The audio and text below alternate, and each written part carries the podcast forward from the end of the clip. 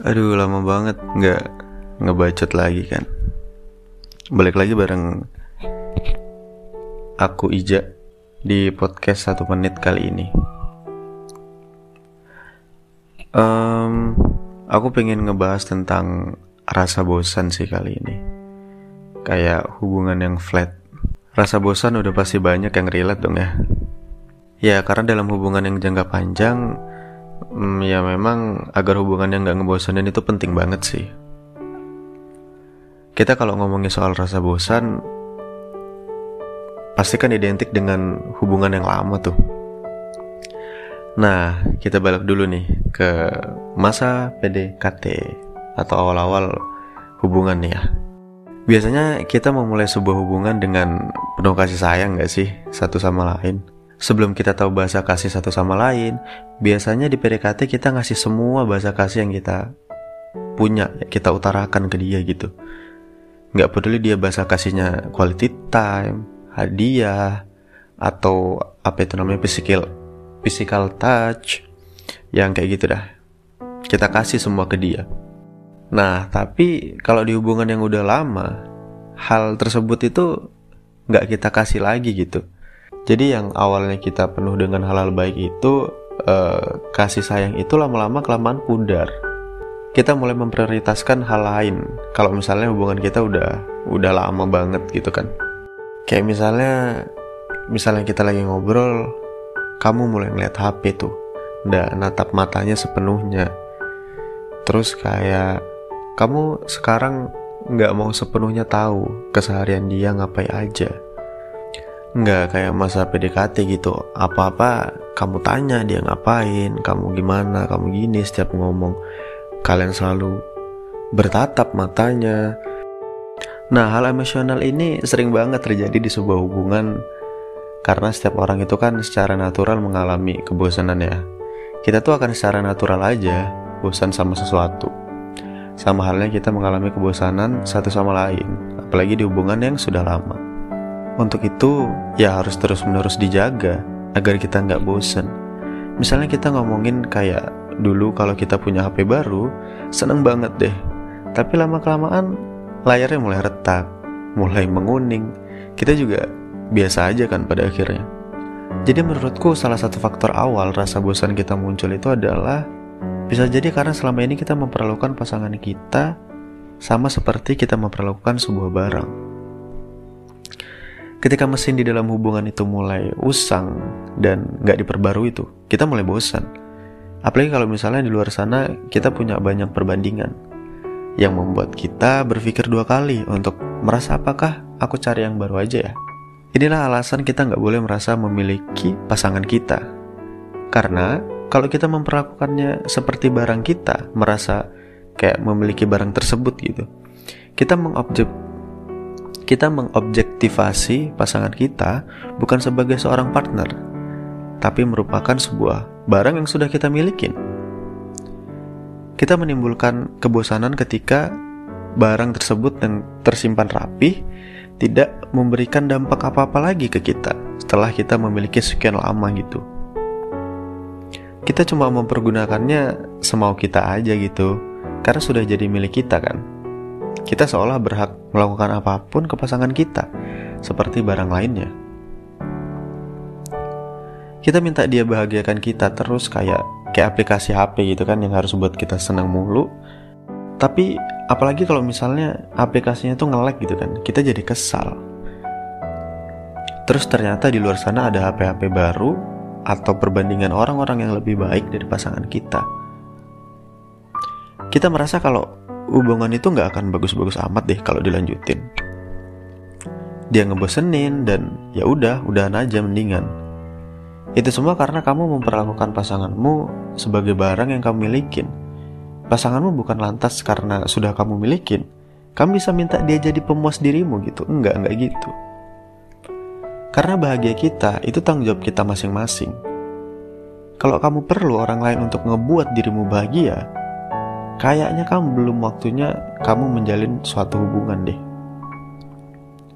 Karena bisa jadi kamu masih terlalu egois untuk hal tersebut gitu. Karena kebahagiaan diri pasangan itu adalah sebuah kebaikan. bukan sebuah keharusan. Kalau dia kasih ya kita bersyukur, tapi kalau enggak ya jangan malah bikin kita jadi pengen kabur gitu. Kalian tetap dua individu yang harus saling menghormati dengan tidak memperlakukan dia seperti sebuah barang. Tapi harus kayak membuat kamu lebih mendengarkan apa yang dia mau, apa yang dia rasa. Mungkin kamu pernah ngerasain ya, misalnya ada perbandingan teman sama pasanganmu gitu. Kenapa ya kalau sama teman kita jarang bosan, tapi kalau sama pasangan kita kayak cepat bosan gitu. Jawabannya adalah karena kita nggak merasa memiliki teman kita tersebut, seperti kita merasa memiliki pasangan kita itu. Sampai kadang di sebuah hubungan yang udah dipenuhi rasa bosan ya, salah satu di antara kalian bilang, apa aku harus jadi teman kamu kali ya? Apa aku harus jadi teman kamu kali ya? Biar ada waktu terus sama kamu. Kebanyakan dari kita nggak menganggap teman seperti barang, atau mungkin anggapannya teman kita itu kayak orang lain. Tapi pasangan kita itu udah bukan lagi kayak orang lain buat kita.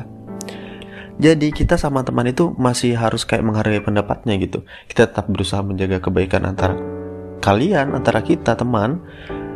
Tapi eh tetap harus bertingkah laku baik setiap waktu supaya pertemanan kalian itu kayak kayak terjaga gitu kan. Nah, kalau teman kita cerita tentang sesuatu, kita fokus dengerin tuh Nah, itu tuh kalau dijadikan perbandingan, kalau pasangan kita yang bercerita sama teman kita yang bercerita gitu, kalau dalam hubungan itu kayak cenderung kita menyampaikan cerita kayak cuma formalitas doang gitu nggak sih? Pertanyaan kayak hari ini kamu habis ngapain aja? Terus nantinya seolah jawaban dari pertanyaan itu kayak sebuah keharusan aja untuk dikerjakan, bukan sebuah kebaikan yang ingin kita sampaikan gitu. Itulah kenapa kita kadang dengar dalam sebuah hubungan, dia itu nggak harus jadi pacar kita, tapi bisa jadi teman. Jadi sebisa mungkin, kamu harus mengerti menjalin hubungan tidak membuat kamu memiliki dia seutuhnya gitu. Kamu itu harus tetap memanusiakan dia, mendengarkan keluh kesahnya, memperhatikan dia kalau lagi bicara, berusaha mengasihnya dengan jadi yang menyenangkan, bukan memperlakukan dia seperti barang. Nah, ada juga nih alasan yang mungkin benar. Jadi itu alasan selanjutnya kenapa kita bosan sama pasangan kita bisa jadi adalah karena ya komunikasi yang terjadi bukan saling mengerti dan mendengarkan, tapi untuk saling jawab. Ketika ditanya, kamu merasa bosan sama hubunganmu tuh kapan sih? Sebenarnya kalau misalnya aku nanya gitu kan.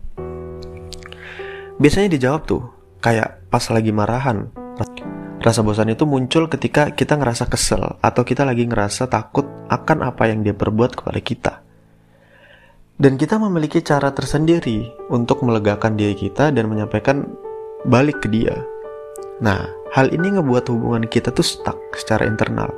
Kita tuh udah kayak mati gitu. Sehingga mengakibatkan kita ngerasa bosan Secara nggak sadar selama ini kita di posisi bertahan. Kita stres akan tekanan yang dilakukan di dalam hubungan itu. Kita nggak sadar kalau ternyata selama ini pasangan kita telah melukai, telah memarahi dan telah menakuti kita juga gitu. Karena kita karena kita pikir berantem dalam hubungan itu adalah hal yang wajar, sehingga kita nggak perlu membela diri dan cenderung diam akan hal tersebut. Jadi kayak kayak ya udah gitu lewat aja. Akhirnya sikap kita dan dia jadi lebih dingin dan mengakibatkan ya kebosanan. Terus gimana tuh cara ngejaga ritme di dalam sebuah hubungan sehingga kita nggak menemukan titik rasa bosan itu? Tapi bosan bakal tetap muncul sih, tapi setidaknya kita tetap ngejaga gitu biar nggak bosannya sering-sering. Nah, mari kita berolin soal loyalitas. Loyalitas itu terbentuk bukan pas awal dia nembak kita di awal hubungan, Bukan juga ketika kita dikekang nggak boleh ke mana-mana karena takut ada yang godain kita. Dan ya banyaklah contoh lainnya. Tapi melainkan loyalitas itu tetap, tapi melainkan loyalitas itu terbentuk karena kita merasa dicintai. Dan untuk bisa merasa dicintai, perlu dengan membangun banyak hal-hal kecil yang kemudian akan menjadi bukit. Jadi bukan karena hal besar yang sekali kamu lakuin, misalnya tiba-tiba kamu kasih dia kayak pengakuan di depan banyak orang gitu kalau kamu itu sangat mencintai dia.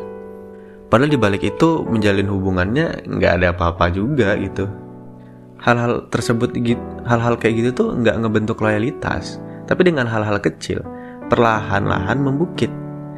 Jadi untuk membentuk loyalitas jadi untuk membentuk loyalitas itu harus ditempuh dengan jangka waktu yang lama gitu. Contohnya nih, komunikasi yang baik adalah komunikasi yang gunanya untuk saling mendengarkan. Kita perlu membiarkannya bercerita tentang apa yang dilalui hari ini tanpa memotong omongannya.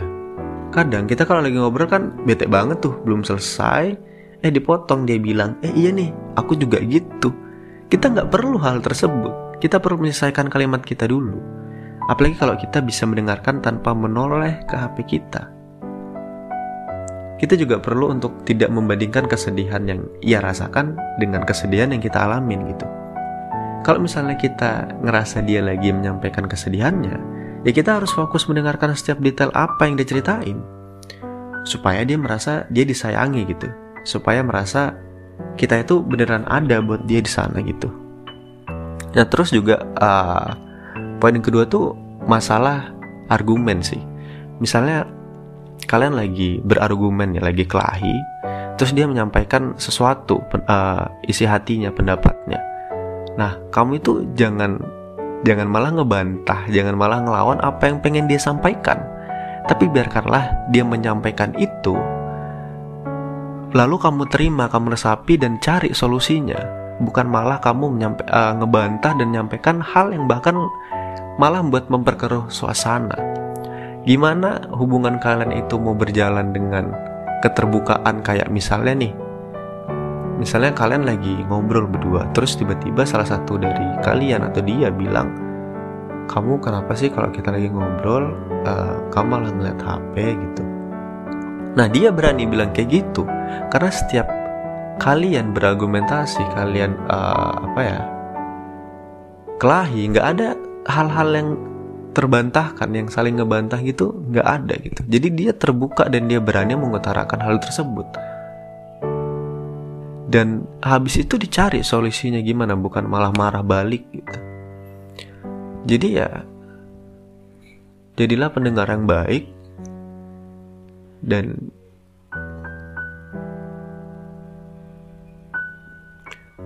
ya jadi gitu deh. Mudahan paham ya udah udah kepanjangan sih nggak ada poin intinya juga. Intinya jangan perlakukan dia kayak barang milikmu seutuhnya dan jadilah seorang yang bisa menjadi telinga buat dia dan menjadi otak buat dia. Aduh lama banget nggak ngebacot lagi kan. Balik lagi bareng aku Ija di podcast satu menit kali ini Um, aku pengen ngebahas tentang rasa bosan sih kali ini. Kayak hubungan yang flat. Rasa bosan udah pasti banyak yang relate dong ya. Ya karena dalam hubungan yang jangka panjang, hmm, ya memang agar hubungan yang gak ngebosanin itu penting banget sih. Kita kalau ngomongin soal rasa bosan, pasti kan identik dengan hubungan yang lama tuh Nah, kita balik dulu nih ke masa PDKT atau awal-awal hubungan nih ya. Biasanya kita memulai sebuah hubungan dengan penuh kasih sayang gak sih satu sama lain? Sebelum kita tahu bahasa kasih satu sama lain, biasanya di PDKT kita ngasih semua bahasa kasih yang kita punya, kita utarakan ke dia gitu. Gak peduli dia bahasa kasihnya quality time, hadiah, atau apa itu namanya physical physical touch, yang kayak gitu dah. Kita kasih semua ke dia. Nah, tapi kalau di hubungan yang udah lama, hal tersebut itu nggak kita kasih lagi gitu. Jadi yang awalnya kita penuh dengan hal-hal baik itu eh, kasih sayang itu lama-lama kelamaan pudar. Kita mulai memprioritaskan hal lain. Kalau misalnya hubungan kita udah udah lama banget gitu kan. Kayak misalnya misalnya kita lagi ngobrol kamu mulai ngeliat HP tuh udah natap matanya sepenuhnya. Terus kayak kamu sekarang nggak mau sepenuhnya tahu keseharian dia ngapain aja. Nggak kayak masa PDKT gitu apa-apa kamu tanya dia ngapain kamu gimana kamu gini setiap ngomong. Kalian selalu bertatap matanya. Nah, hal emosional ini sering banget terjadi di sebuah hubungan karena setiap orang itu kan secara natural mengalami kebosanan ya. Kita tuh akan secara natural aja bosan sama sesuatu. Sama halnya kita mengalami kebosanan satu sama lain, apalagi di hubungan yang sudah lama. Untuk itu, ya harus terus-menerus dijaga agar kita nggak bosan. Misalnya kita ngomongin kayak dulu kalau kita punya HP baru, seneng banget deh. Tapi lama-kelamaan layarnya mulai retak, mulai menguning. Kita juga biasa aja kan pada akhirnya. Jadi menurutku salah satu faktor awal rasa bosan kita muncul itu adalah bisa jadi karena selama ini kita memperlakukan pasangan kita sama seperti kita memperlakukan sebuah barang. Ketika mesin di dalam hubungan itu mulai usang dan nggak diperbarui itu, kita mulai bosan. Apalagi kalau misalnya di luar sana kita punya banyak perbandingan yang membuat kita berpikir dua kali untuk merasa apakah aku cari yang baru aja ya. Inilah alasan kita nggak boleh merasa memiliki pasangan kita. Karena kalau kita memperlakukannya seperti barang kita, merasa kayak memiliki barang tersebut gitu, kita mengobjek kita mengobjektivasi pasangan kita bukan sebagai seorang partner, tapi merupakan sebuah barang yang sudah kita miliki. Kita menimbulkan kebosanan ketika barang tersebut yang tersimpan rapi tidak memberikan dampak apa-apa lagi ke kita setelah kita memiliki sekian lama gitu. Kita cuma mempergunakannya semau kita aja gitu karena sudah jadi milik kita kan. Kita seolah berhak melakukan apa pun ke pasangan kita seperti barang lainnya. Kita minta dia bahagiakan kita terus kayak kayak aplikasi HP gitu kan yang harus buat kita senang mulu tapi apalagi kalau misalnya aplikasinya tuh nge-lag gitu kan kita jadi kesal terus ternyata di luar sana ada HP-HP baru atau perbandingan orang-orang yang lebih baik dari pasangan kita. Kita merasa kalau hubungan itu nggak akan bagus-bagus amat deh kalau dilanjutin. Dia ngebosenin dan ya udah, udahan aja mendingan. Itu semua karena kamu memperlakukan pasanganmu sebagai barang yang kamu milikin. Pasanganmu bukan lantas karena sudah kamu milikin. Kamu bisa minta dia jadi pemuas dirimu gitu. Enggak, enggak gitu. Karena bahagia kita itu tanggung jawab kita masing-masing. Kalau kamu perlu orang lain untuk ngebuat dirimu bahagia, kayaknya kamu belum waktunya kamu menjalin suatu hubungan deh. Karena bisa jadi kamu masih terlalu egois untuk hal tersebut gitu. Karena kebahagiaan diri pasangan itu adalah sebuah kebaikan, bukan sebuah keharusan. Kalau dia kasih ya kita bersyukur, tapi kalau enggak, ya jangan malah bikin kita jadi pengen kabur gitu. Kalian tetap dua individu yang harus saling menghormati dengan tidak memperlakukan dia seperti sebuah barang. Tapi harus kayak membuat kamu lebih mendengarkan apa yang dia mau, apa yang dia rasa. Mungkin kamu pernah ngerasain ya, misalnya ada perbandingan teman sama pasanganmu gitu. Kenapa ya kalau sama teman kita jarang bosan, tapi kalau sama pasangan kita kayak cepat bosan gitu. Jawabannya adalah karena kita nggak merasa memiliki teman kita tersebut, seperti kita merasa memiliki pasangan kita itu. Sampai kadang di sebuah hubungan yang udah dipenuhi rasa bosan ya, salah satu di antara kalian bilang, apa aku harus jadi teman kamu kali ya? Apa aku harus jadi teman kamu kali ya? Biar ada waktu terus sama kamu. Kebanyakan dari kita nggak menganggap teman seperti barang, atau mungkin anggapannya teman kita itu kayak orang lain, tapi pasangan kita itu udah bukan lagi kayak orang lain buat kita.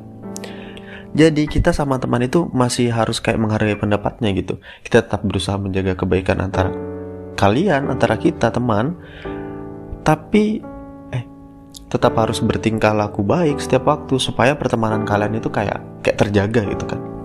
Nah, kalau teman kita cerita tentang sesuatu, kita fokus dengerin tuh Nah, itu tuh kalau dijadikan perbandingan, kalau pasangan kita yang bercerita sama teman kita yang bercerita gitu, kalau dalam hubungan itu kayak cenderung kita menyampaikan cerita kayak cuma formalitas doang gitu nggak sih? Pertanyaan kayak hari ini kamu habis ngapain aja? Terus nantinya seolah jawaban dari pertanyaan itu kayak sebuah keharusan aja untuk dikerjakan, bukan sebuah kebaikan yang pingin kita sampaikan gitu. Itulah kenapa kita kadang dengar dalam sebuah hubungan dia itu nggak harus jadi pacar kita tapi bisa jadi teman jadi sebisa mungkin kamu harus mengerti menjalin hubungan tidak membuat kamu memiliki dia seutuhnya gitu kamu itu harus tetap memanusiakan dia mendengarkan keluh kesahnya memperhatikan dia kalau lagi bicara berusaha mengasihnya dengan jadi yang menyenangkan, bukan memperlakukan dia seperti barang. Nah, ada juga nih alasan yang mungkin benar. Jadi itu alasan selanjutnya kenapa kita bosan sama pasangan kita bisa jadi adalah karena ya komunikasi yang terjadi bukan saling mengerti dan mendengarkan, tapi untuk saling jawab. Ketika ditanya, kamu merasa bosan sama hubunganmu tuh kapan sih? Sebenarnya kalau misalnya aku nanya gitu kan biasanya dijawab tuh kayak pas lagi marahan. Rasa bosan itu muncul ketika kita ngerasa kesel atau kita lagi ngerasa takut akan apa yang dia perbuat kepada kita. Dan kita memiliki cara tersendiri untuk melegakan diri kita dan menyampaikan balik ke dia. Nah hal ini ngebuat hubungan kita tuh stuck secara internal. Kita tuh udah kayak mati gitu. Sehingga mengakibatkan kita ngerasa bosan Secara nggak sadar selama ini kita di posisi bertahan. Kita stres akan tekanan yang dilakukan di dalam hubungan itu. Kita nggak sadar kalau ternyata selama ini pasangan kita telah melukai, telah memarahi dan telah menakuti kita juga gitu. Karena kita karena kita pikir berantem dalam hubungan itu adalah hal yang wajar, sehingga kita nggak perlu membela diri dan cenderung diam akan hal tersebut. Jadi kayak kayak ya udah gitu lewat aja. Akhirnya sikap kita dan dia jadi lebih dingin dan mengakibatkan ya kebosanan. Terus gimana tuh cara ngejaga ritme di dalam sebuah hubungan sehingga kita nggak menemukan titik rasa bosan itu? Tapi bosan bakal tetap muncul sih. Tapi setidaknya kita tetap ngejaga gitu biar nggak bosannya sering-sering. Nah, mari kita berolin soal loyalitas. Loyalitas itu terbentuk bukan pas awal dia nembak kita di awal hubungan, Bukan juga ketika kita dikekang nggak boleh ke mana-mana karena takut ada yang godain kita. Dan ya banyaklah contoh lainnya. Tapi melainkan loyalitas itu tapi melainkan loyalitas itu terbentuk karena kita merasa dicintai. Dan untuk bisa merasa dicintai, perlu dengan membangun banyak hal-hal kecil yang kemudian akan menjadi bukit. Jadi bukan karena hal besar yang sekali kamu lakuin, misalnya tiba-tiba kamu kasih dia kayak pengakuan di depan banyak orang gitu kalau kamu itu sangat mencintai dia. Padahal di balik itu menjalin hubungannya nggak ada apa-apa juga gitu. Hal-hal tersebut hal-hal kayak gitu tuh nggak ngebentuk loyalitas tapi dengan hal-hal kecil perlahan-lahan membukit. Jadi untuk membentuk loyalitas jadi untuk membentuk loyalitas itu harus ditempuh dengan jangka waktu yang lama gitu.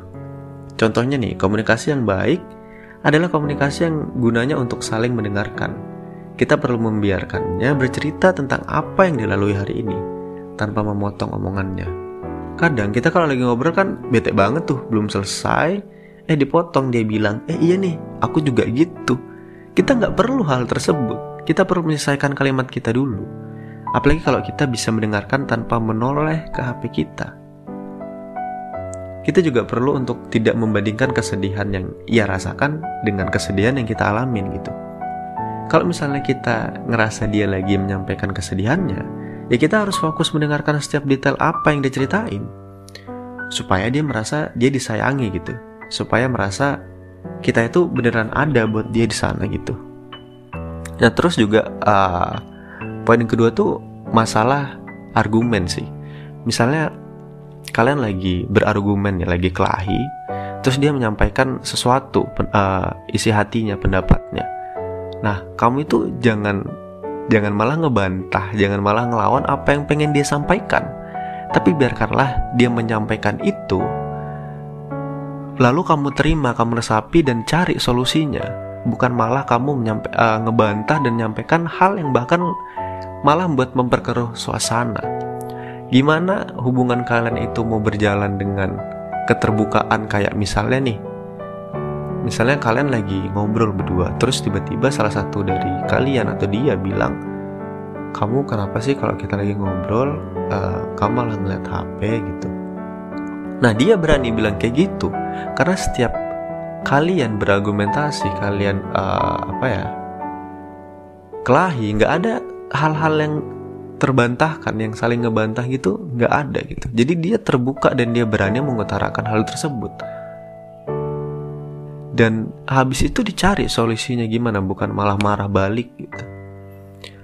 Jadi ya jadilah pendengar yang baik dan